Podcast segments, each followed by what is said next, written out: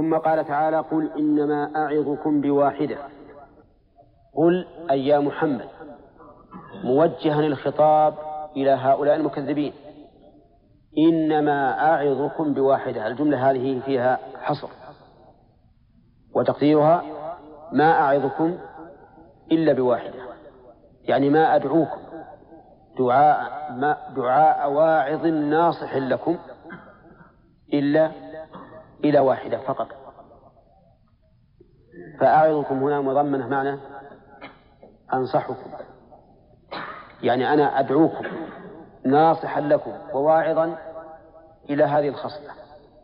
بواحدة أن تقوموا. قال هي أن تقوموا. وعلى هذا فجم فأن تقوموا في موضع في موضع جر. عطف بيان على قوله بواحدة. يعني أنه بين هذه الواحدة بقوله أن تقوموا لله إلى آخره. وأن تقوموا هنا المراد بها أن تثبتوا على الشيء وليس المراد القيام ضد القعود. فهو كقوله تعالى وأن تقوموا لليتامى بالقسط.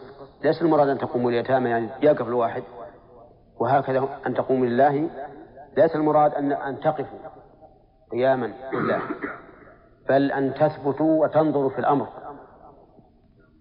وقول أن تقوموا لله قال المؤلف أي لأجله. فاللام هنا للإخلاص أي أن تقوموا مخلصين لله. لا مقلدين لآبائكم ولا متعصبين لآرائكم. جردوا نياتكم من كل شيء إلا إلا لله. إلا لله. أن تقوموا لله وحده. لا لي لا مراعاة لي ولا مراعاة لآبائكم ولا لحميتكم ولكن لله. مثنى قال المؤلف اثنين اثنين. وهل مراد وهل المراد حقيقة التثنية؟ يعني أن يقوموا على اثنين اثنين أو المراد مجرد مجرد الزيادة على الواحد. يعني أنه مثنى مثنى لا يراد به حقيقة الاثنين. بل المراد أن تقوموا لله مجتمعين سواء كنتم اثنين أم ثلاثة أم أربعة أم خمسة أم عشرة. أه؟ نعم هذا هو الظاهر. وقال بعض المفسرين المراد بالمثنى هنا حقيقة الاثنين. وعللوا ذلك بأن الناس إذا كثروا اضطربت آراؤهم وكثر كثر الشجار بينهم وفات المقصود. لأنك الآن لو لو وضعت رأيا بين عشرة كم يجيك من رأي؟ عشرة آراء. وبين اثنين يأتيك رأيان. قالوا فالاثنين أقرب إلى الحصر وأقرب إلى تصور المسألة مما إذا كانوا أكثر من اثنين. ولكن قد يقال إن هذا حقيقة لكن أحيانا يكون الثلاثة والأربعة أسد رأيا من الاثنين فقط. فتحمل الآية على أن المراد بالمثنى مطلق الجمع سواء كانوا اثنين أو أكثر. والمثنى قد يراد به مطلق الجمع, مطلق الجمع كما في قوله تعالى فارجع البصر هل ترى من فطور؟ ثم ارجع البصر. كرتين أي كرة بعد كرة وليس المراد حقيقة الاثنين. وكقول الإنسان وهو يلبي بالحج أو العمرة يقول لبيك. يعني إجابة لك مرتين أو المراد إجابة بعد إجابة ولو كثر. الأخير. هنا نعم. والله أعلم. أعوذ بالله من الشيطان الرجيم. وإذا تتلى عليهم آياتنا بينات قالوا ما هذا إلا رجل يريد أن يصدكم. قالوا ما هذا يصدكم عما كان يعبد آباؤكم وقالوا ما هذا إلا إفك مفترى وقال الذين كفروا للحق لما جاءهم إن هذا إلا سحر مبين في هذه الآية فوائد. كثيرة. أولا أن الوحي آية من آيات الله عز وجل. ووجه كونه آية من عدة من عدة وجوه. أولا أنه أعجز البشر وغير البشر. وهذا دليل على أنه من عند الله. ثانيا أن أحكامه عادلة مصلحة للقلوب والأبدان والأفراد والجماعات. أحكامه عادلة مصلحة للقلوب والأبدان والجماعات والأفراد. في كل زمان وفي كل مكان. وهذا لا يمكن أن يوجد في كلام البشر. قوانين البشر مهما عظمت فإنما تكون صالحة في نطاق محدود وتجدها كذلك مع كونها صالحة في نطاق محدود تجد فيها أمور ضارة قد تعادل المصالح التي فيها بخلاف آيات الله. ثالثا ما يشتمل عليه الوحي أو القرآن بالذات من الأخبار الصادقة. الصادقة التي ليس فيها ما يخالف الواقع بوجه من الوجوه سواء كانت تلك الأخبار ماضية أو حاضرة أو مستقبلة. هذا وجه كونه من آيات الله. ومن فوائد الآية الكريمة أن آيات الله عز وجل بينات ليس فيها خفاء. بينات ليس فيها خفاء. وعلى هذا فما يشكل على بعض أهل العلم من أحكام الله سبحانه وتعالى فليس مصدره أن الوحي خفي ولكن مصدره قصور الناظر في الوحي. أو تقصيره. قصوره أو تقصيره. قصوره بحيث لا يكون عنده علم أو لا يكون عنده فهم. أو تقصيره بحيث لا يطلب العلم ولا يطلب الفهم. عرفتم؟ وإلا فإن آيات الله بينات. لا يمكن تحدث حادثة إلى يوم القيامة إلا وفي كتاب الله تعالى بيانه ولكن ليس كل أحد يستطيع أن يتبينها من القرآن. تجد الآية الواحدة يتلوها جماعة ويتفكرون فيها. يستنبط أحدهم منها مسائل عديدة والآخر لا يستنبط منها إلا مسألة أو مسألتين. وهذا أمر ظاهر. وكثيرا ما تشكل علينا المسألة ونراجع كتب العلماء من الفقهاء وغيرهم ثم عند التأمل في الكتاب والسنة نجد أنها قريبة موجودة إما داخلة في عموم لفظ أو إشارة أو إيماء أو ما أشبه ذلك. طيب. بيان بيان الآيات إما أن يكون بذاتها وإما أن يكون عن طريق السنة. يعني بيان الآيات في القرآن إما أن يكون بذاتها هي بينة واضحة وإما أن يكون عن طريق السنة تبين المجمل وتفسر المشكل وتقيد المطلق وتخصص العام. وتنسخ المحكم ولا لا؟ هذا محل خلاف بين العلماء والصحيح أنها تنسخ ذلك. أنها تنسخ ذلك ولأن الكل من عند الله. طيب إذن عرفتم الآن بينات. ها؟ بينات سواء كان بذاته أو ها؟ أو بالسنة ببيان السنة. قال الله تعالى وأنزلنا إليك الذكر لتبين للناس ما نزل إليهم. الرسول عليه الصلاة والسلام بين القرآن بلفظه ومعناه سواء بينه بقوله أو بفعله.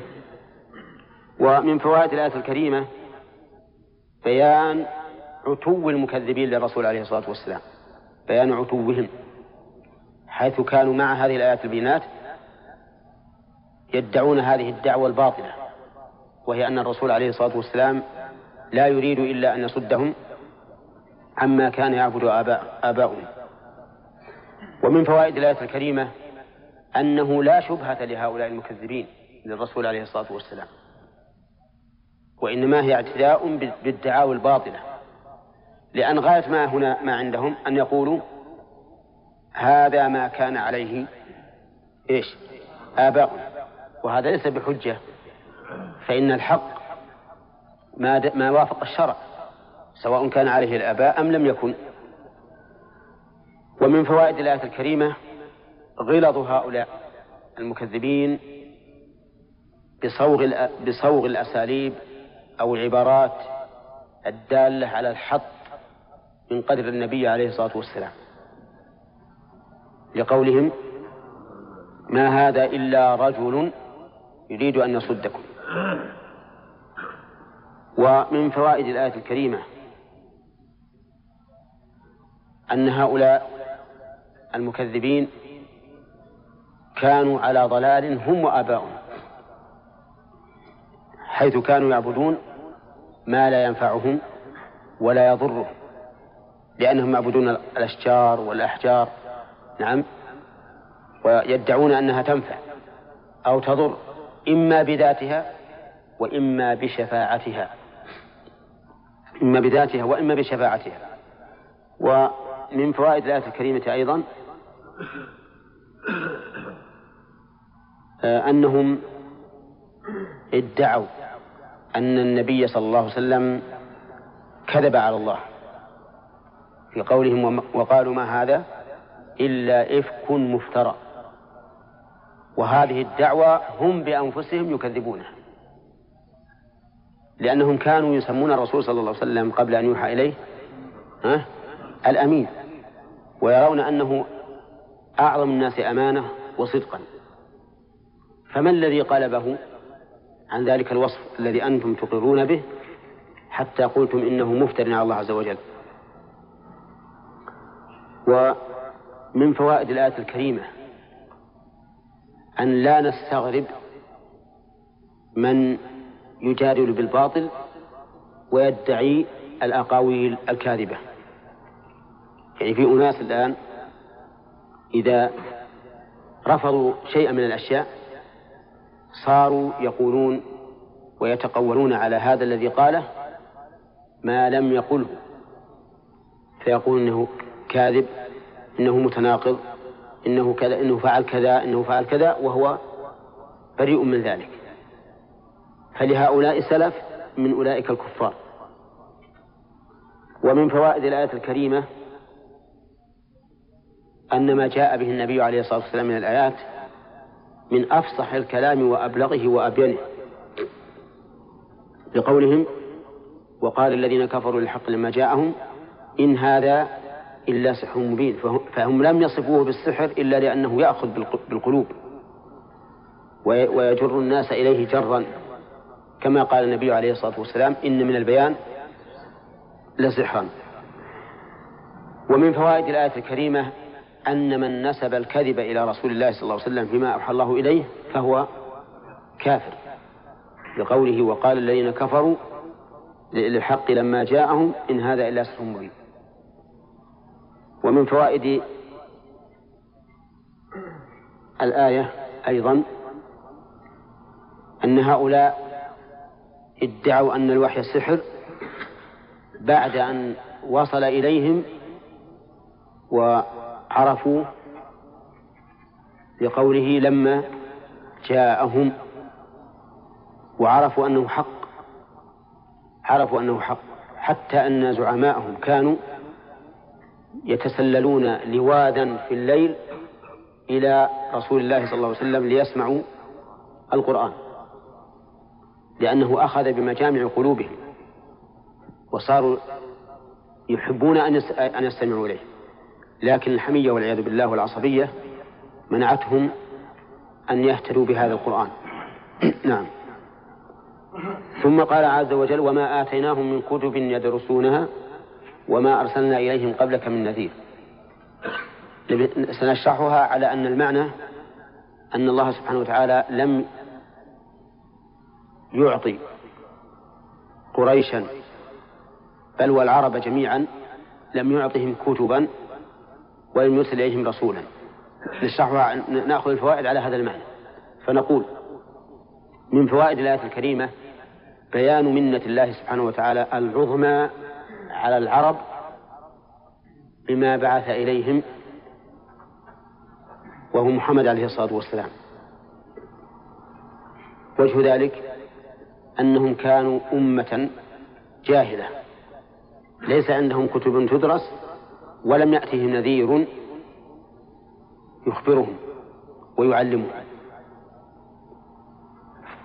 فهم أشد الناس حاجة إلى الرسول. وإذا اشتدت الحاجة ثم جاء ما يزيل تلك الحاجة كان هذا أعظم منه. ففي الآية إذن بيان عظيم منة الله عز وجل على العرب حيث بعث فيهم هذا الرسول الكريم عليه الصلاة والسلام. ومن فوائد الآية الكريمة أيضا أن العرب كانوا جاهلين من أجهل الناس قبل بعثة الرسول عليه الصلاة والسلام. من أين تؤخذ؟ وما آتيناهم من كتب وما أرسلنا إليهم قبلك من نذير. ولهذا قال الله عز وجل لقد من الله على المؤمنين إذ بعث فيهم رسولا من أنفسهم يتلو عليهم آياته ويزكيهم ويعلمهم الكتاب والحكمة. وإن كانوا من قبل لفي ضلال مبين.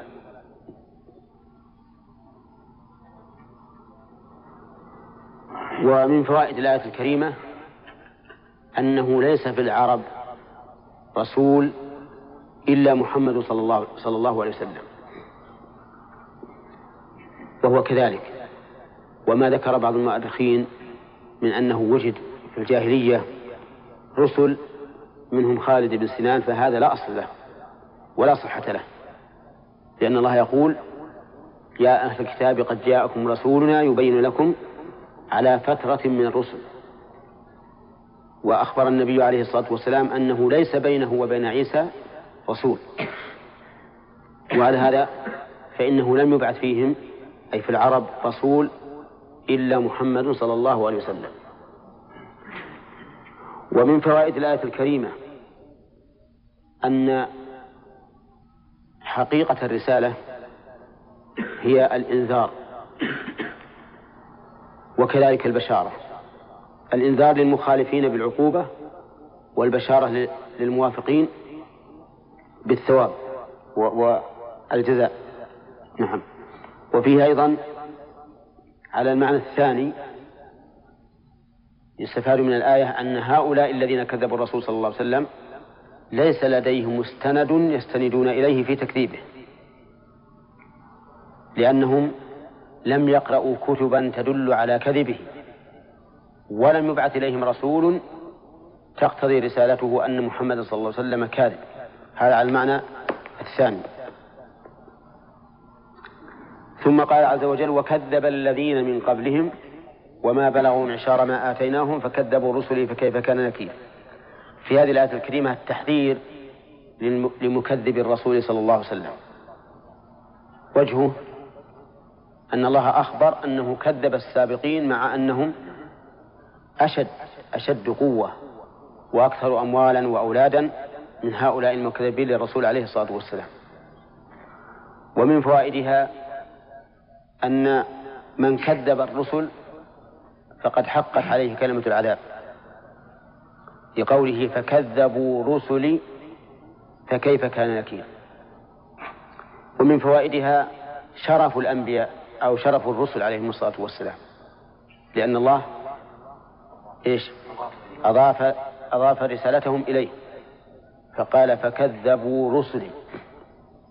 ومن المعلوم أن مرتبة الرسالة أعلى مراتب البشر. فإن مراتب البشر أربع. النبوة المتضمنة للرسالة والصديقية آه، والشهداء والصالحين.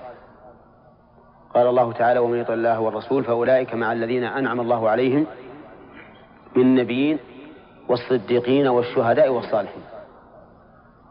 فأعلى مراتب النبوة ثم الصديقية ثم الشهادة ثم الصلاح. خلافا للزنادقة الذين يقولون إن الأولياء أفضل من الأنبياء والأنبياء أفضل من الرسل. ويقول قائلهم مقام النبوة في في برزخ فويق الرسول ودون الولي. يزعمون قبحهم الله أن الأولياء أفضل من الرسل والأنبياء. نعم وهو كذلك عندهم لأن أولياءهم طاغوت. والطاغوت يملي عليهم أنه أفضل من البشر من الرسل والأنبياء. ومن فوائد الآية الكريمة بيان حكمة الله عز وجل حيث جعل العقوبة من جنس العمل.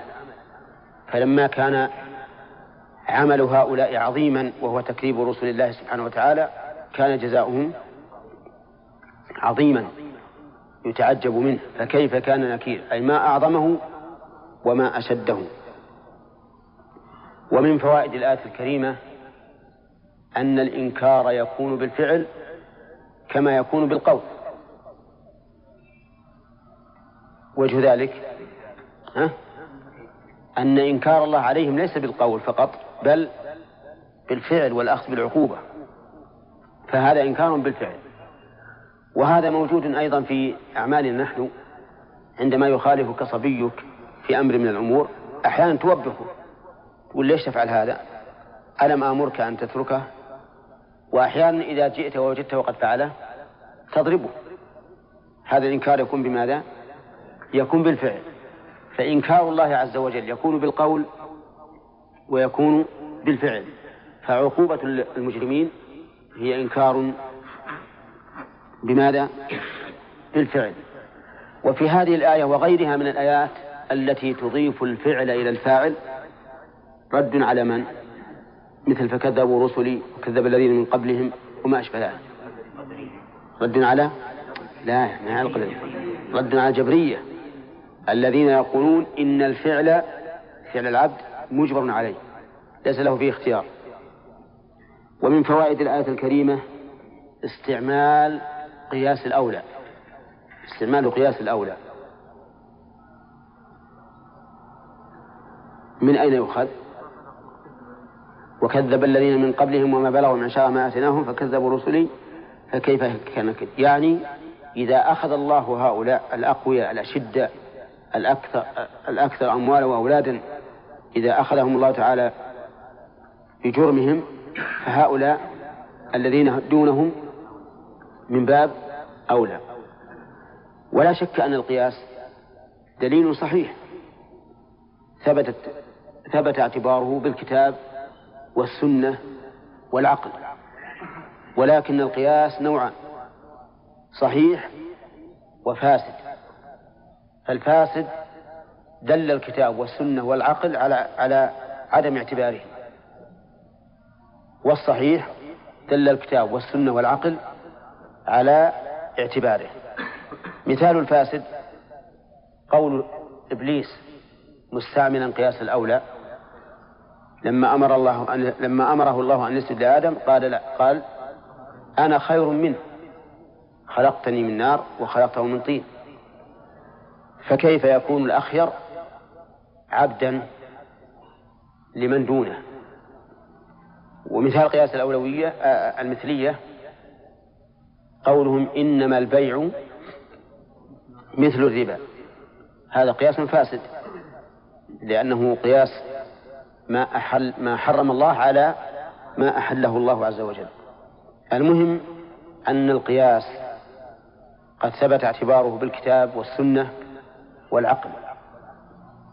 ومن أنكره فقد أنكر ما يدل على الكتاب والسنة. نعم الذي ينكر منه هو القياس الفاسد. طيب هل نأخذ من ذلك من, من هذه الآية أن تكذيب الرسل تكذيب لله؟ ها؟ نعم هو الظاهر. لأنه قال الأول وكذب الذين من قبلهم ولم يذكر المكذب. ثم قال فكذبوا رسل فدل ذلك على أن تكذيب الرسل تكذيب لله عز وجل. وهو كذلك عند التأمل. لأن الرسول إذا جاءك. وقال إنه رسول الله. وأيده الله بالآيات ثم كذبته فقد كذبت الله عز وجل لأن الآيات التي يعطيها الله الرسول ما هي إلا براهين براهين تدل على صدقه فكأنك تقول فكأن المكذب يقول إن هذه الآيات كذب لأنه يكذب الرسول الذي أيدته. ثم قال قل إنما أعظكم بواحدة مبتدأ درس اليوم. قل إنما أعظكم بواحدة أن تقوموا لله مثنى وفرادا ثم تتفكروا ثم تتفكروا. ما نشرح الآن. قل إنما أعظكم بواحدة أن تقوموا لله مثنى وفرادا ثم تتفكروا. المراد بالقيام ذكرنا أمس. المراد به القيام اللي ضد القعود. لا المراد به الثبات على هذا الأمر. تقوموا ثابتين. ثم تتفكروا تتفكروا في شأن هذا الرسول الذي جاءكم من عند الله وقال إنه رسول الله. ما بصاحبكم من جنة. هذا القول هل هو من كلام الله سبحانه وتعالى؟ ليبطل قولهم أو أنه هو أو أنه ما يتفكرون فيه. يعني كما قال الشارح فتعلموا ما بصاحبكم من جنة. المؤلف مشى على أن ما بصاحبكم من جنة هو مفعول لما يقتضيه التفكر وهو العلم. الإنسان إذا تفكر في الشيء وصل إلى غاية. ما هي غاية؟ ها؟ العلم. العلم بأنه ما بصاحبهم من جنة ما بصاحبهم من جنة. هذا هو ما مشى عليه المؤلف. والقول الثاني ثم تتفكروا أي في, في, في شأنكم وفي حالكم. ثم استأنف فقال ما بصاحبكم الجنة وأن وهذا من كلام الله. وهذا من كلام الله وليس مفعولا لما يقتضيه التفكر وهو العلم. وقوله ما بصاحبكم من جنة صاحبكم المراد به محمد رسول الله صلى الله عليه وسلم لكنه عبر عنه بالصاحب المضاف إليهم زيادة في التشنيع عليه في التشنيع عليهم والتوبيخ كأنه يقول هذا صاحبكم الذي تعرفونه ليس رجلا منكرا عليكم بل هو صاحبكم الذين تعرفون عقله وصدقه وأمانته فكيف تقولون إنه ساحر وإنه مجنون وإنه شاعر وإنه كاهن وما أشبه ذلك؟ ففيه إيش؟ الإضافة إليهم. زيادة التشنيع عليهم. هذه واحدة فيه أيضا الإشارة إلى أنه كان ينبغي أن يكونوا أول من يصدق به. وأول من وأول من يناصره لأنه صاحبه وصاحب الإنسان مستحق للنصر منه والمساعدة والمعاونة. فكان في الإضافة هنا فائدتان. الفائدة الأولى زيادة التشنيع عليهم في أنهم يصفون صاحبهم الذي يعرفونه بهذا الوصف. الثاني إيش؟ أنه كان الأولى بهم. وهو صاحبهم أن يكونوا أول الناس تصديقا به وأقوى وأشد الناس معونة له. وقوله ما بصاحبكم من جنة الجار مجرور خبر مقدم. ومن جنة مبتدأ مؤخر قرنت به من الزائدة من حيث الإعراب المفيدة لمعنى من حيث المعنى. الفائدة منها هو المبالغة أو التأكيد في النفي. لأن من إذا دخلت على المنفي أفادت العموم وصارت نصا فيه. وقوله من جنة يقول المؤلف جنون. فالجنة هنا بمعنى الجنون. ويمكن أن يكون المراد به الجن الذي إذا خالط الإنسان جن. نعم. من جنة إن ما هو إلا نذير لكم. إن سبق لنا قبل وقت قريب أن أنها تستعمل في اللغة على أربعة أوجه. نعم. إن قال بمعنى ما فهي نافية هو أي محمد عليه الصلاة والسلام الذي هو صاحبهم إلا نذير لكم بين يدي أي قبل عذاب شديد في الآخرة. إن عصيتموه. يعني ما محمد عليه الصلاة والسلام إلا رجل من أعقل الناس ومن أحنى الناس على قومه لأنه نذير لكم. من ماذا ينذرهم؟ من العذاب الشديد.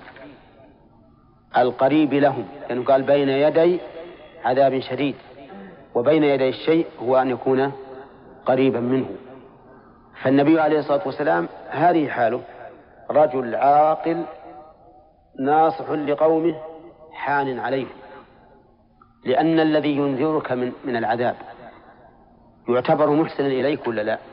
ها؟ لو أن رجلا جاء يصيح أيها الناس جاءكم العدو. أيها الناس جاءتكم النار. سعير. أيها الناس جاءكم الماء فيضان. بماذا تصف هذا الرجل؟ ناصح ولا غاش؟ ناصح. ولا تصفه بأنه مجنون. تصف بأنه عاقل ناصح حان عليك يحب لك السلامة من الشرور. فالنبي عليه الصلاة والسلام بالنسبة, بالنسبة لنا ما هو إلا نذير ينذرنا من العذاب الشديد القريب. ولهذا قال بين يدي عذاب شديد والشديد بمعنى القوي. وهل المراد عذاب الآخرة أو يشمل عذاب الآخرة والدنيا؟ الصحيح أنه يشمل عذاب الآخرة والدنيا. ولذلك عذب المكذبون للرسول عليه الصلاة والسلام في الدنيا قبل الآخرة. فزعماء قريش وصناديدهم نعم قتلوا في بدر وألقوا جيفا منتنة في قليب من قلوب بدر. ومن بقي منهم كان آخر أمرهم أن دخلت عليهم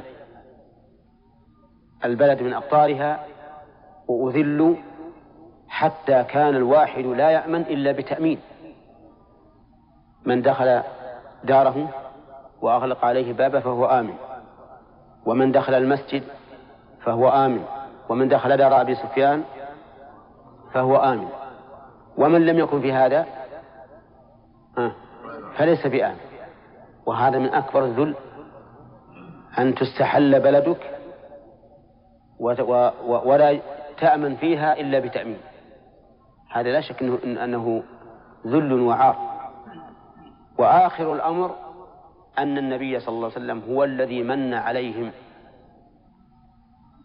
وقال اذهبوا فأنتم الطلقاء. وهذا بلا شك أنه عذاب في الدنيا. لكن إذا أسلموا كان مثل هذا العذاب كافيا. ومن أبى وكفر كان له العذاب الشديد أيضا في الآخرة. والله أعلم. نعم. ذكرت يا شيخ أن الله سبحانه وتعالى ذكرت في السابق شيخ أن من طعن في الرسول صلى الله عليه وسلم الرسول تنوى طعنه في الله سبحانه وتعالى إيش؟ من طعن في أحد الرسل نعم نعم. تنوى طعنه في الله نعم. كيف الله عز وجل يعني يعني ذلك بأنه كيف في بأنه كاذب والله ينصره بتأييده وبمعونته كيف؟ ذكرت يا شيخ أن الطعن في الرسول طعن في الله نعم ذلك بأنه دعوة الرسول يكون أنه كاذب يفتري على الله عز وجل كذا نعم كيف كيف أن الله ينصر هذا الرسول وهو كاذب نعم لكن بعض الرسول ليس التصرف كيف؟ ليس كل الرسول يطيعهم ليس ليس إيش؟ كل أن ينجح دعوتهم يقولون كان الرسول الرجل عمر نحن لا نقول إن التكذيب الواقع يكون طعن. التكذيب واقع. لكن هذا الذي كذب الرسل قد طعن في الله عز وجل. الذي كذب الرسل طعن في الله. لأنه إذا كذب الرسل والله ينصرهم فمعنى ذلك أن الله ينصر الباطل. على حد على حد إيمانه هو. في نعم. عز وجل فيه أخذ الفوائد ما أخذناها. ها؟ قل إنما أعظكم. قال الله تعالى قل إنما أعظكم بواحدة إلى آخره. في هذا دليل أو يستفاد من الآية الكريمة دعوة الإنسان المعاند للتأمل في الأمر والنظر فيه حتى لا يتعجل بالرد. لقوله أن تقوموا لله مثنى وفرادى ثم تتفكروا. ومن فوائدها أنه ينبغي لمن طلب الحق أن يكون مخلصا لله بعيدا عن الهوى. بقوله أن تقوموا لله. ومنها من فوائدها جواز التعاون في طلب الوصول إلى الحق. من قوله مثنى وفرادى. ومنها أن الإنسان قد لا يصل إلى الحق إلا بمساعدة غيره. لقوله مثنى وفرادى فإنه إذا أمكن أن يصل الحق بنفسه فذاك وإلا استعان بغيره. ومنها أن التفكير كما يكون في الآيات الكونية يكون كذلك في الآيات الشرعية. لأنه هنا طلب منه التفكر فيما جاء به الرسول عليه الصلاة والسلام وفي الرسول نفسه أيضا.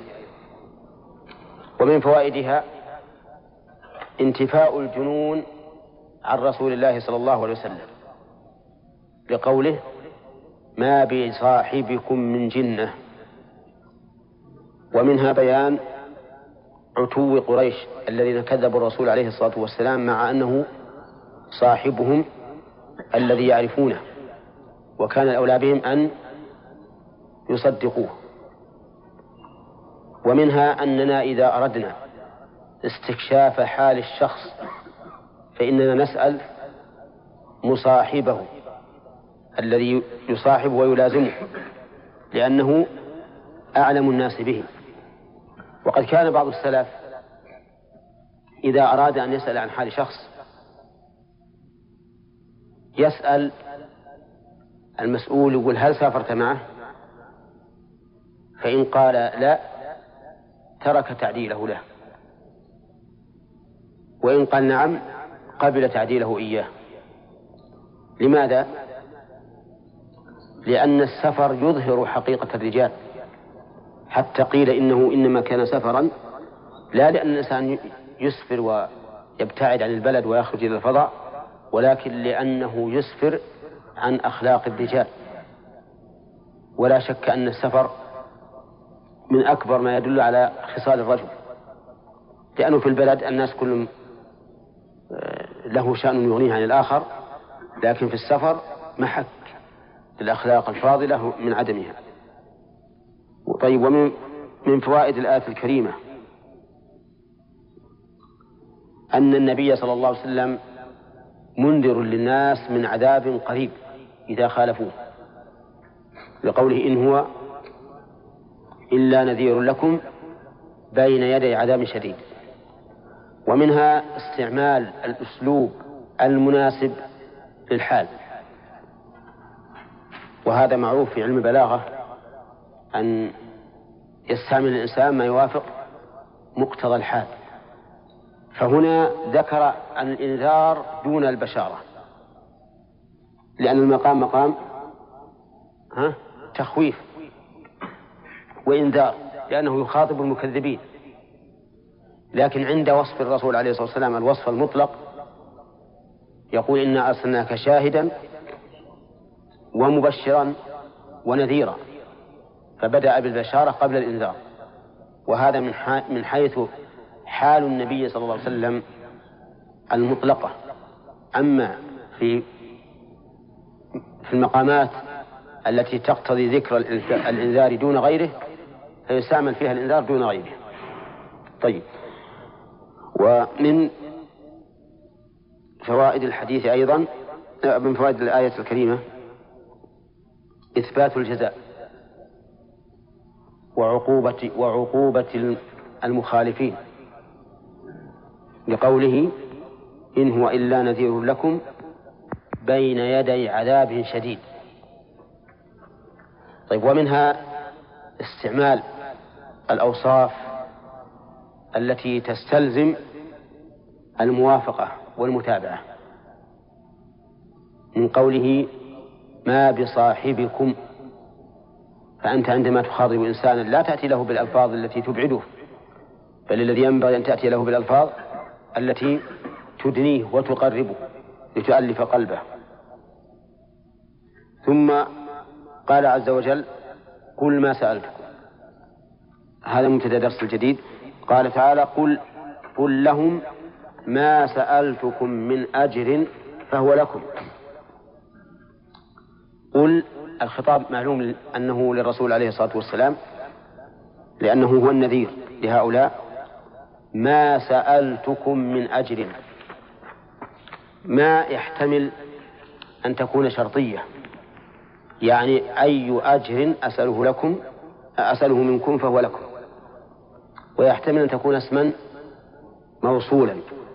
يعني قل الذي سألتكم من الأجر فهو لكم. ويكون اقتران الفاء بالخبر لأن اسم الموصول يشبه الشرط في العموم فأعطي حكمه. قل ما سألتكم على الإنذار والتبليغ من أجر. من هذه بيان لما؟ ما سألتكم.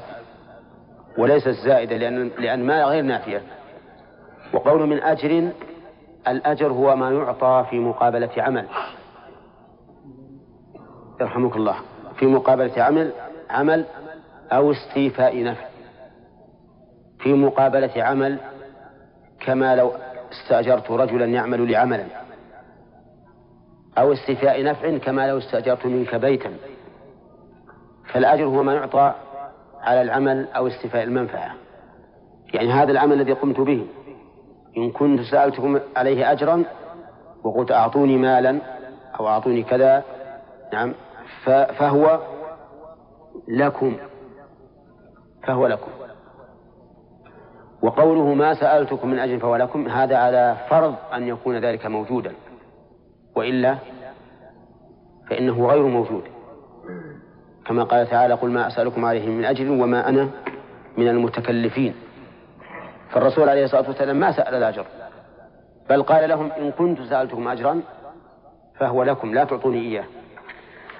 قال إن أجري ما أجري إلا على الله. وهو على كل شيء شهيد. إن بمعنى ما ومن علامات إن النافية أن يقع بعدها إلا وذلك ليس بشرط. هل هو شرط ولا لا؟ ليس بشرط. طيب إن أجري أي ثوابي على تبليغي وعلى إنذاري إلا على الله وحده. ونعم المثيب سبحانه وتعالى. فإن من كان أجره على الله فإنه ساجد الثواب العظيم لأن عطاء أكرم الأكرمين سيكون أعظم العطاء. ولهذا يجزي الله سبحانه وتعالى الحسنة بعشر أمثالها إلى سبعمائة ضعف إلى أضعاف كثيرة ثم الداعي إلى الله يؤجر على دعوته سواء قبلت أم رفضت.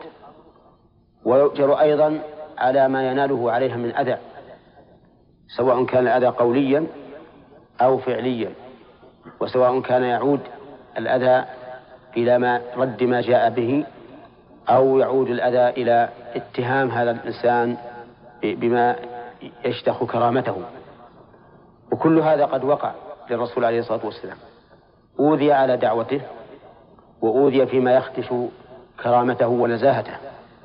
فأصحاب الإفك لما رموا عائشة رضي الله عنها ما رموا عائشة لأنها عائشة لكن رموها لأنها زوج النبي صلى الله عليه وسلم. فالرسول عليه الصلاة والسلام أوذي في عرضه وأوذي في بدنه وأوذي في في مهمته التي جاء من أجلها. فأجره على من؟ على الله سبحانه وتعالى. واعلم أنك كلما أوذيت في الدعوة إلى الله فإن ذلك زيادة أجر لك من جهة وزيادة قوة لدعوتك من جهة أخرى. لأن الإنسان إذا أوذي على شيء لا بد أن يجد من يتعاطف معه كما تقتضي سنة الله عز وجل. حتى الذين يتكلمون بالباطل إذا أوذوا على باطلهم وجدوا من يتعاطف معهم. فكيف بمن يتكلمون بالحق؟ ولهذا أنا أدعو نفسي وإياكم إلى أن يكون علمنا منسابا إلى غيرنا بمعنى أن ننشر العلم وأن ندعو الناس إليه. صحيح أن أن حضورنا إلى هذا المجلس وتعلمنا لا شك أنه فائدة عظيمة وأنه مجلس من مجالس الذكر لكن ينبغي ينبغي أن ننشر هذه هذا العلم وندعو الناس إليه بقدر المستطاع. وأما أن نبقى كنسخ من كتب الفائدة الفائدة لا تعدو صدورنا فهذا لا شك أنه ضعيف ولا يليق بطالب العلم. وعلينا أن أن نعرف ما جرى لأئمة المسلمين وعلماء المسلمين من الدعوة إلى الله سبحانه وتعالى. ولست بذلك أريد أن تكرسوا جهودكم كلها للدعوة لأن الدعوة بلا علم ضررها أكثر من نفعها. كما يوجد من بعض الأخوة الحريصين على الخير تجدهم يضيعون أوقاتهم في الزيارات إلى فلان وإلى فلان وفي الخروج حتى إن العلم عندهم ليس بشيء. بل تجدهم يكرهون العلم والتعمق فيه ويريد أن أن تكون دعوتهم دعوة سطحية مهلهلة. أي إنسان يأتيهم يقفون. أنا أريد من منكم أن تكونوا علماء ربانيين دعاة إلى الخير. مهما استطعتم. ويكون أجركم على من؟ على الله سبحانه وتعالى. لأن الإنسان مسؤول عن علمه فإن الله تعالى ما أعطاك العلم إلا بميثاق. وإذا أخذ الله ميثاق الذين أوتوا الكتاب لتبيننه للناس ولا تكتمونه. قال إن أجري إلا على الله سبحانه وتعالى وهو على كل شيء شهيد. مطلع يعلم صدقي وهو على كل شيء شهيد. كل شيء فالله شهيد عليه. يعني مطلع عليه.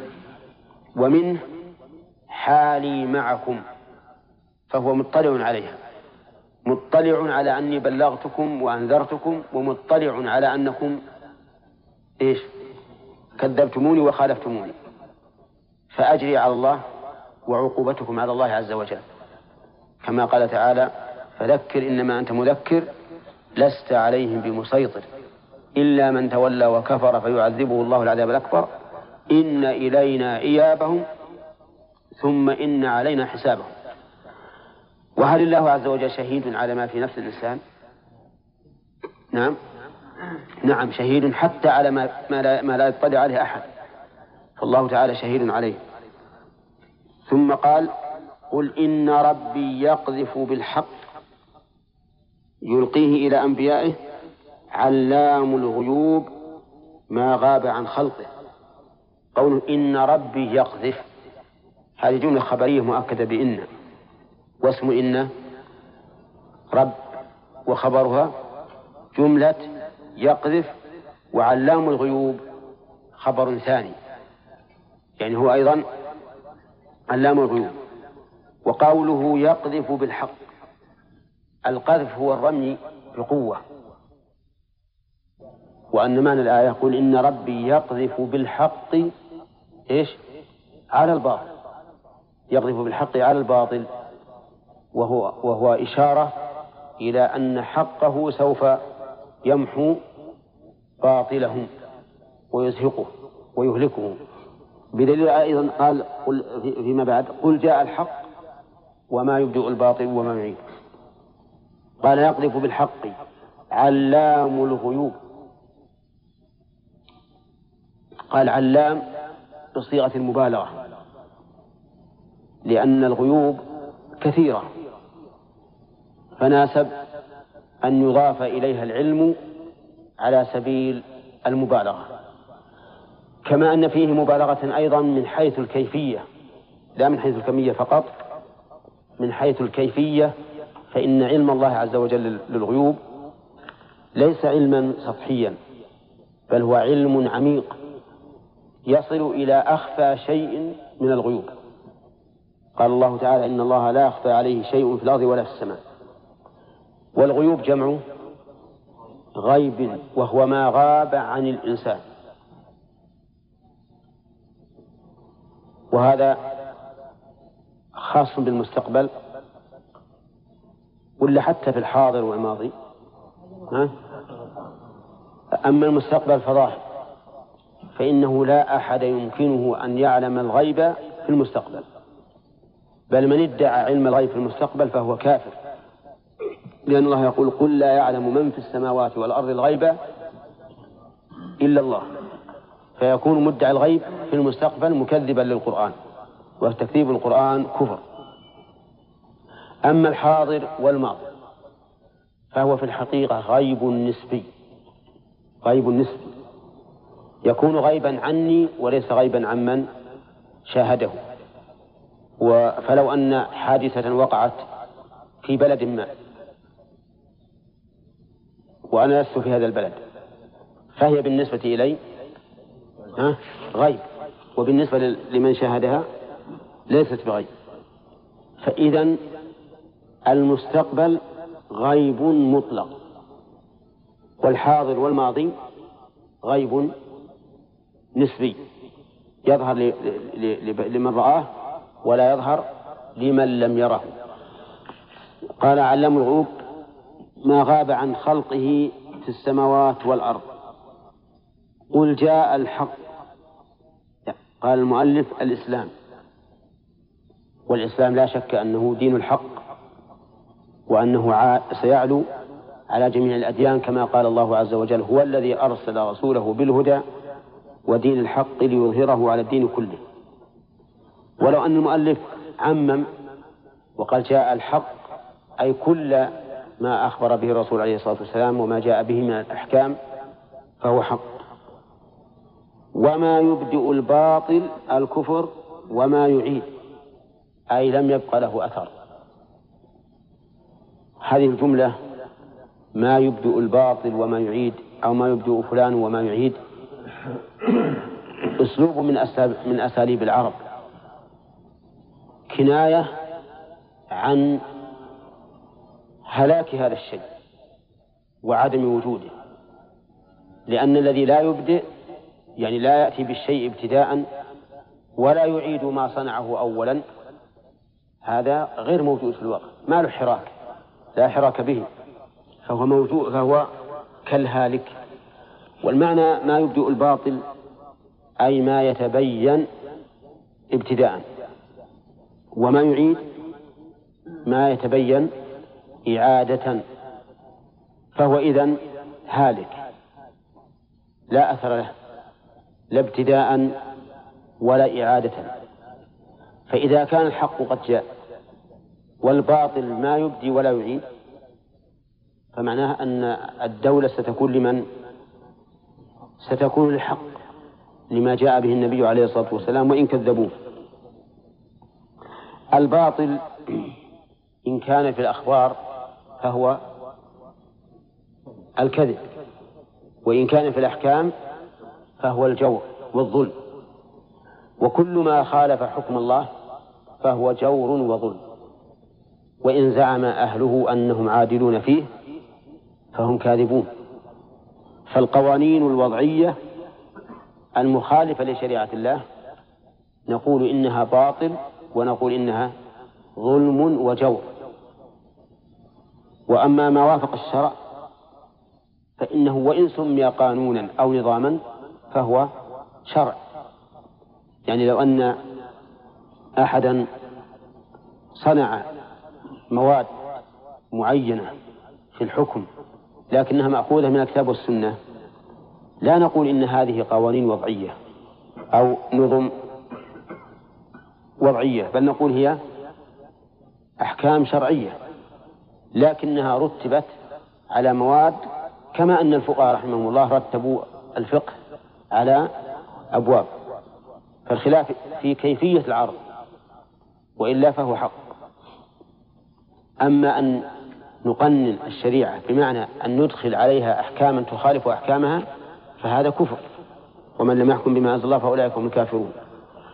فأما تقنينها بمعنى تبويبها وجعلها مواد معينة فهذا لا بأس به بشرط أن لا يكون الحكم لازما بهذه المواد. لأن إلزام القضاة مثلا أو الحكام بأن يحكموا بهذه المواد معناها أنهم يلزمون بأن يحكموا بما يعتقدون أن الحق في خلافه لأن الناس يختلفون في اجتهادهم. فقد ترى اللجنة مثلا أن الحكم في هذا هو كذا وكذا ويرى القاضي أن الحكم خلاف ذلك فوضعها على أنها موضحة أو كاشفة أو دالة هذا لا بأس به بلا شك لكن وضعها على أنها ملزمة هذا لا يجوز لأن الناس يختلفون في, الاجتهاد. قال وما يبدو الباطل وما قل إن ضللت عن الحق فإنما أضل على نفسي أي إثم ضلالي عليها. وإن اهتديت فبما يوحي إلي ربي من القرآن والحكمة إنه سميع للدعاء قريب. قل إن ضللت هذا من باب التنزل مع الخصم. وإلا فمن المعلوم أن الرسول عليه الصلاة والسلام كان أهدى الناس. أليس كذلك؟ طيب. وهذا كقول الرجل المؤمن من آل فرعون. قال أتقتلون رجلا؟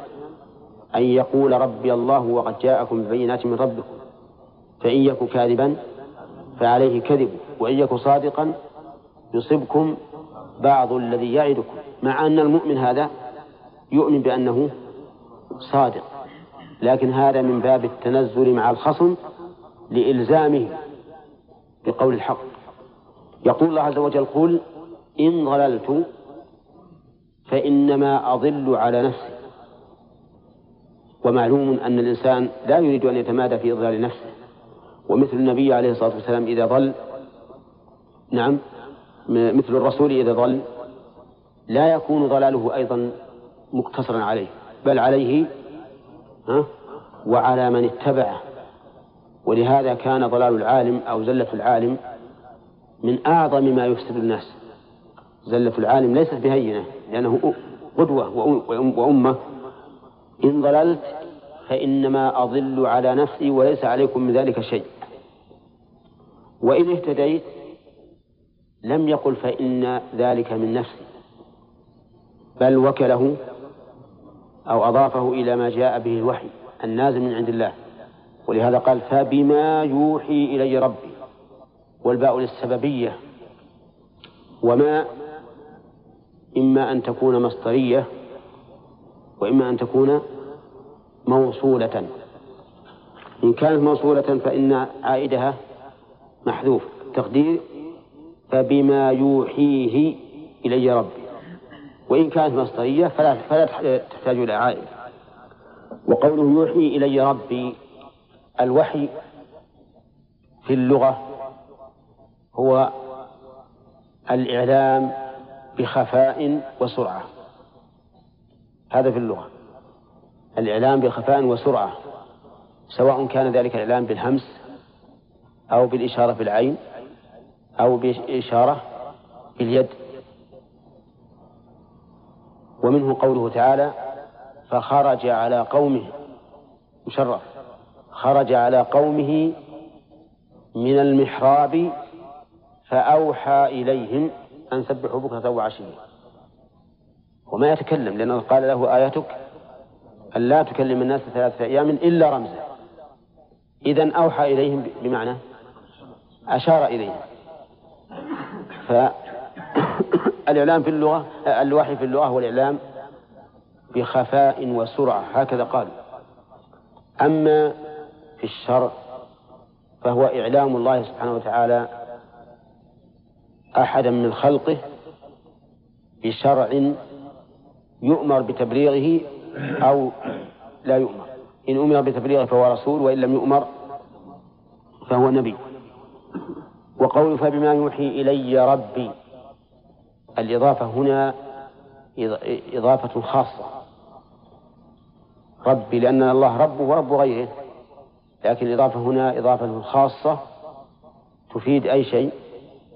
تفيد العناية واللطف. لأن من أكبر نعم الله على العبد أن يوحي إليه بالرسالة حتى ينال المرتبة العليا من بني من من بني آدم. كذلك من نعمة الله على العبد أن يلهمه هذه الرسالة بالتعلم. ولهذا كان العلماء ورثة الأنبياء فهي من أكبر النعم. ولهذا قال فبما يوحي إلي ربي فأضاف الربوبية إلى نفسه لأن هذه ربوبية خاصة تقتضي العناية والتأييد والرحمة واللطف. إنه سميع قريب. إنه سميع قال المؤلف للدعاء. والصواب أن الآية هنا عامة. سميع لكل شيء. وليس للدعاء فقط بل سميع لما أقول لكم وسميع لما تقولون لي. وسميع لدعائي أيضا بمعنى مجيب. وقد مر علينا أن السمع المضاف إلى الله عز وجل ينقسم إلى قسمين. سمع بمعنى إدراك المسموع وسمع بمعنى إجابة المسموع. إجابة المسموع أو إجابة السائل نعم إجابة المسموع. السمع الذي بمعنى إدراك المسموع تارة يراد به التهديد وتارة يراد به التأييد وتارة يراد به بيان الإحاطة أي إحاطة الله عز وجل بكل مسموع. فهذه ثلاثة أشياء. تارة يراد به التهديد مثل عبد الرحمن بن داود.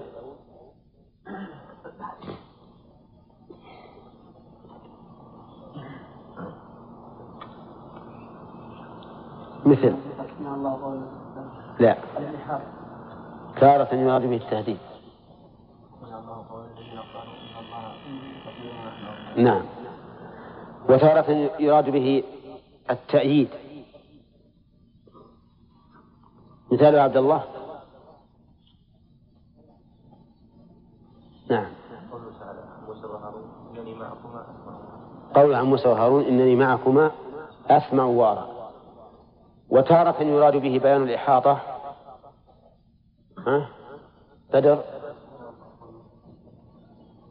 في زوجها وتشتكي الله والله يسمع تحاوركم. أما السمع الذي بمعنى الإجابة فكقوله تعالى إن ربي لسميع الدعاء. وقول المصلي سمع الله لمن حمده. وقوله قريب قريب قريب هذه اسم فاعل أو صفة مشبهة. والضمير المستتر فيها يعود على على من؟ يعود على الله عز وجل. يعود على الله. وكل فعل أو وصف يكون عائدا إلى الله فالمراد به ذات الله. انتبه لهذه القاعدة التي ذكرها ابن القيم في مختصر الصواعق. يقول كل كل فعل أو وصف تحمل ضميرا يعود إلى الله فالمراد به ذات الله. مراد به ذات الله. لكن يجب أن يكون في ذهنك تنزه الله عز وجل عما لا يليق به. تنزه الله عما لا يليق به. فيكون القرب هنا قرب رحمته أو قرب علمه أو قرب سمعه أو بصره أو قرب ذاته. أيها. لا ما يشمل قريب هو أي ذاته. ولهذا صرح ابن القيم بأنه قريب بذاته. لكن يجب أن تعلم أنه مع قربه بذاته فهو مستوى على عرشه. حتى قال النبي عليه الصلاة والسلام إن الذي تدعونه أقرب إلى أحدكم من من عنق راحلته. يقول وهم راكبون على رواحلهم. ولكن مع هذا يجب أن ننزه الله عز وجل عما لا يليق به بحيث نتوهم أنه معنا في المكان هذا لا يمكن بل هو قريب بذاته مع علوه. وقد ذكر هذا الشيخ الإسلام تيمية في العقيدة الواسطية قال هو علي في دنوه قريب في علوه. ولا ولا ولا تظن أن الجمع بين القرب والعلو فوق السماوات متناقض. لماذا؟ أولا لأن الله تعالى جمع بينهما لنفسه ودل عليها عليهما كتاب الله. وكتاب الله عز وجل لا يمكن أن يدل على متناقض. ولو كان من عند غير الله لوجدوا فيه اختلافا كثيرا. ثانيا أن الله سبحانه وتعالى ليس كمثله شيء. ليس كمثله شيء. يعني لو فرض أن بين القرب والعلو تناقضا في حق المخلوق فإن ذلك لا يلزم في حق الخالق. لماذا؟ لأن الله ليس كمثله شيء. ولهذا نقول إن الله تعالى ينزل إلى السماء الدنيا كل ليلة وهو مع ذلك مستو على عرشه. وهو مع ذلك مستو على عرشه. لا تقول هذا محال. نقول هذا محال بالنسبة لمن؟ للمخلوق. أما بالنسبة للخالق فيجب أن نؤمن بما أخبرنا به عن صفاته وهو استواؤه على عرشه ونزوله إلى السماء الدنيا. ونقول إن هذا ممكن في حق الخالق. الشيء الثالث الوجه الثالث مما نجمع فيه بين القرب والعلو أنه قد يكون الشيء عاليا وهو قريب. قد يكون الشيء عاليا وهو قريب حتى من المخلوقات. مثل القمر. القمر عالي لكنه قريب كأنه معك كأنه في المكان الذي أنت فيه. وضوءه واصل إلى الأرض وهو في السماء. وأظنه مر علينا في البلاغة. بيتان في هذا المعنى. دان إلى أيدي العفاة وشاسع عن كل ند في الندى وضريب. كالبدر أفرط في العلو وضوءه للعصبة السارين جد قريب. قريب. نعم. آه نعم طيب المهم أن أن الله إذا أضاف الشيء إلى نفسه سواء كان فعلا أو وصفا فإنه لا يجوز لنا العدول عن تحويل هذا الشيء المضاف إلى الله إلى شيء آخر لأننا إذا سلكنا ذلك احتج علينا من؟ احتج علينا أهل التأويل من المعتزلة والأشاعرة وقالوا كيف تؤولون هذه الآية مثلا ولا تؤولون وتنكرون علينا التأويل في آيات أخرى أو في نصوص أخرى؟ فإذا قلت لهم إن هذا يمنعه العقل قالوا ونحن نرى أن ظواهر الآيات أو الأحاديث يمنعها العقل.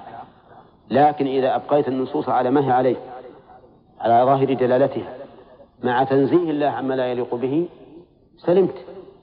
سلمت في دينك وسلمت أمام الله عز وجل حين يسألك يوم القيامة كيف تصرفت في كلامي وكيف أخرجته عن ظاهره وسلمت أيضا من معارضة أهل التأويل.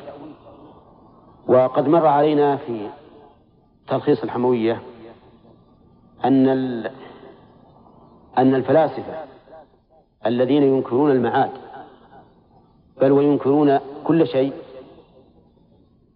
احتجوا على المعتزلة وأهل التعطيل وقالوا كيف تجوزون التأويل في آيات الصفات وأحاديثها ولا تجوزون التأويل في نصوص المعاد؟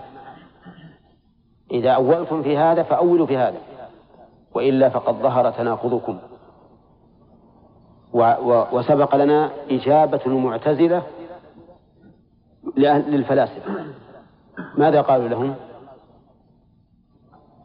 يا سلام. قالوا إنها إننا قد علمنا بالاضطراب أن الرسل جاءت في إثبات المعاد وعلمنا أن الشبهة المانعة منه فاسدة فوجب القول بثبوته. وجب القول بثبوته. هذه حجة يا جماعة هذه هذه من أهم المسائل لطالب العلم في علم التوحيد. وذكرنا أن هذه الحجة التي دفع بها المعتزلة اعتراض الفلاسفة؟ ها؟ ذكرنا أن هذه الحجة احتج بها أهل السنة على المعتزلة. وقالوا قد علمنا بالضرورة أن الرسول جاء بإثبات الصفات لله وعلمنا فساد الشبهة المانعة منه فوجب القول بثبوته. وأن طرد القاعدة في هذا وهذا هو اللي فيه السلامة. أما أن نتناقض ونؤول في شيء ونبقي النصوص على ظاهرها في شيء فإن هذا وهن وضعف في الطريقة. فالمهم أن القريب هنا لا نقول قريب قريب في علمه أو قريب في رحمته أو قريب في سمعه أو ما أشبه ذلك فنخصصها بشيء. لأنك يعني إذا قلت قريب في رحمته أو سمعه أو بصره أو علمه أو ما أشبه ذلك خصصتها. فإذا قلت قريب بذات الشمل كل ما تقتضيه هذه الذات من الصفات. فكان أعم. وقد وقد صرح شيخ الإسلام ابن تيمية في شرح حديث, النزول بأنه سبحانه وتعالى قريب بنفسه. وتلميذ ابن القيم قال إنه قريب بذاته. ولكن مع ذلك يجب علينا أن نعلم علم اليقين بأنه قريب ولكنه في السماء على عرشه وهذا لا تناقض فيه وقد علمتم الجواب على كونه على ما الجواب على ما يوهم أنه متناقض وأن الجواب من كم من وجه؟ من ثلاثة أوجه والله أعلم.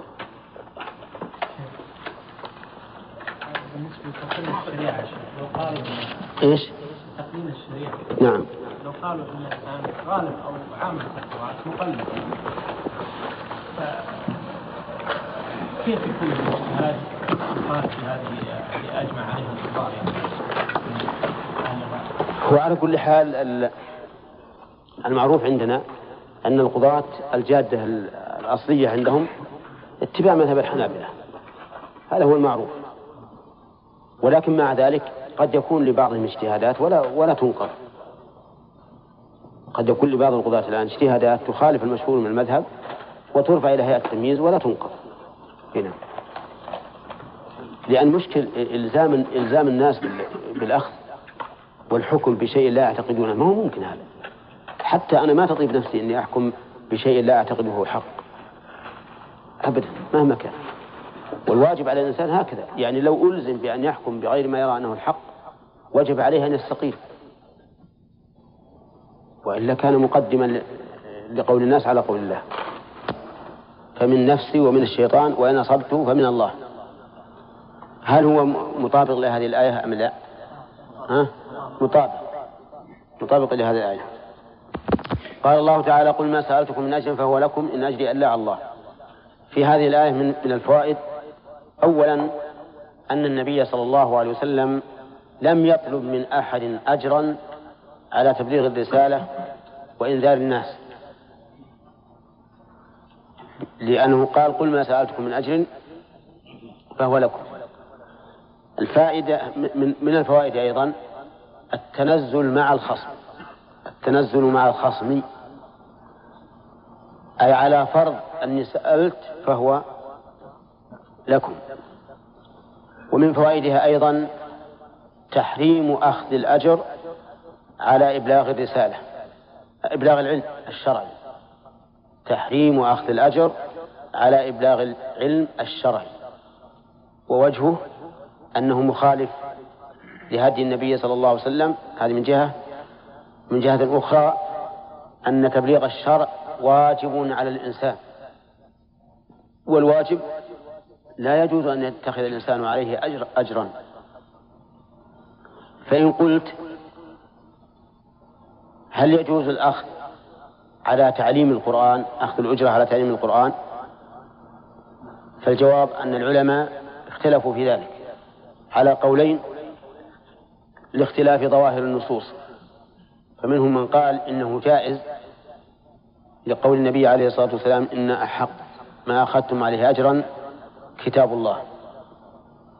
ولأن هذا الرجل لا يأخذ أجرا على قراءة القرآن.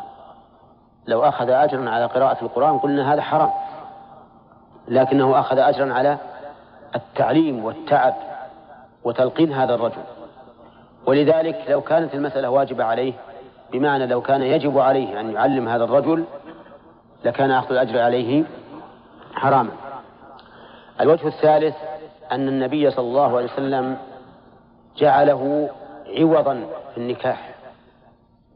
فقال زوجتكها بما معك من القرآن وعوض النكاح أجر.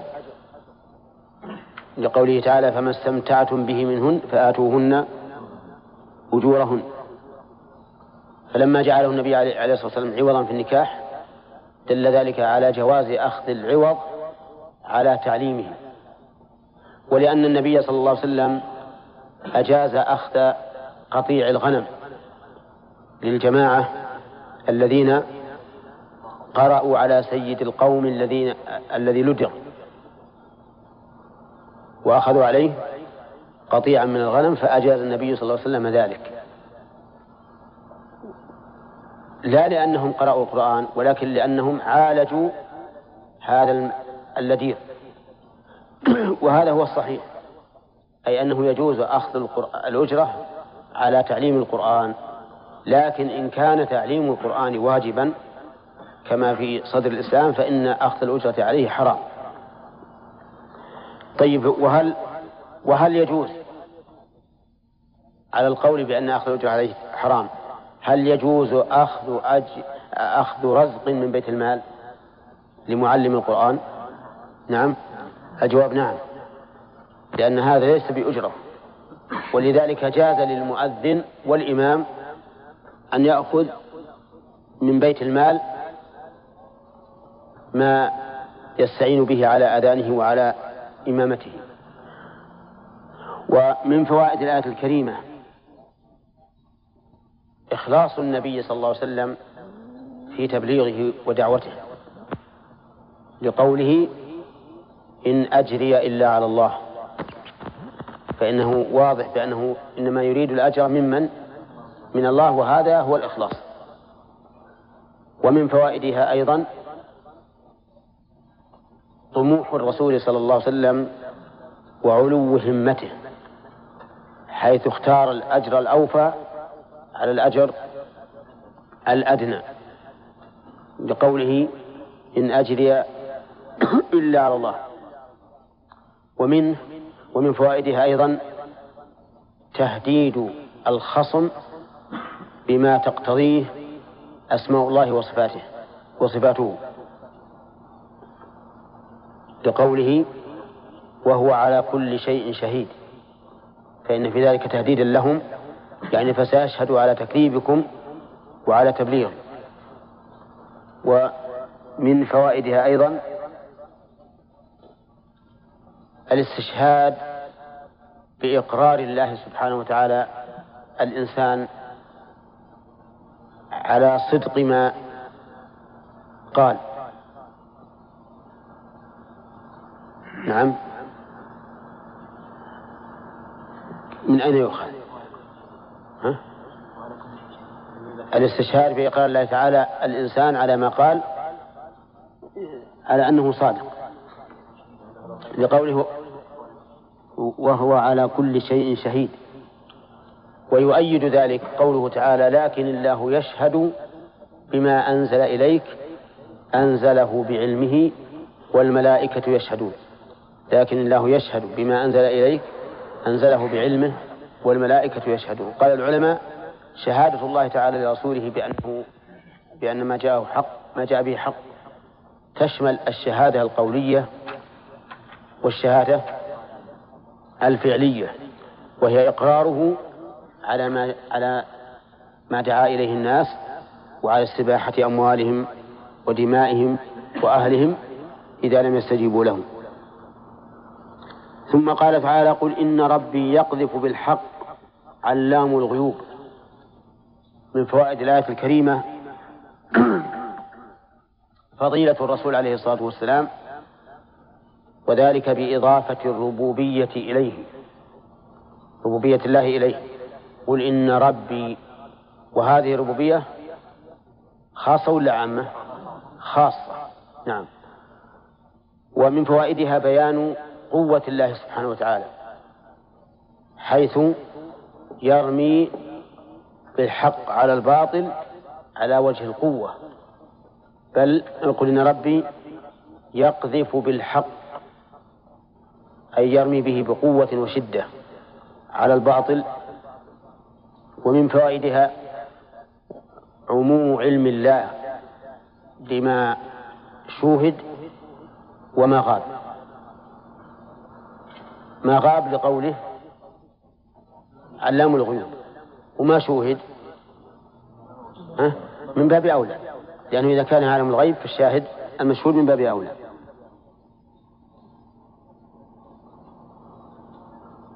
طيب ومنها إثبات أن ما جاء به النبي صلى الله عليه وسلم حق. لقوله يقذف بالحق. ومنها أيضا تهديد هؤلاء المكذبين بأن باطلهم سوف يقضى عليه. بأي طريق؟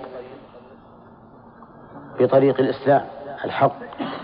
فيقضى على باطلهم ويؤيده قوله قل جاء الحق وما يبدئ الباطل وما يعيد. جاء الحق. الحق ما بعث به الرسول عليه الصلاة والسلام من, شريعة الإسلام. وقوله وما يبدئ الباطل وما يعيد يعني أن الباطل سيضمحل فلا يبقى له ظهور لا في لا ابتداء ولا إعادة. طيب. وما هو الباطل؟ سبق لنا أن الباطل كل ما خالف الحق فهو باطل.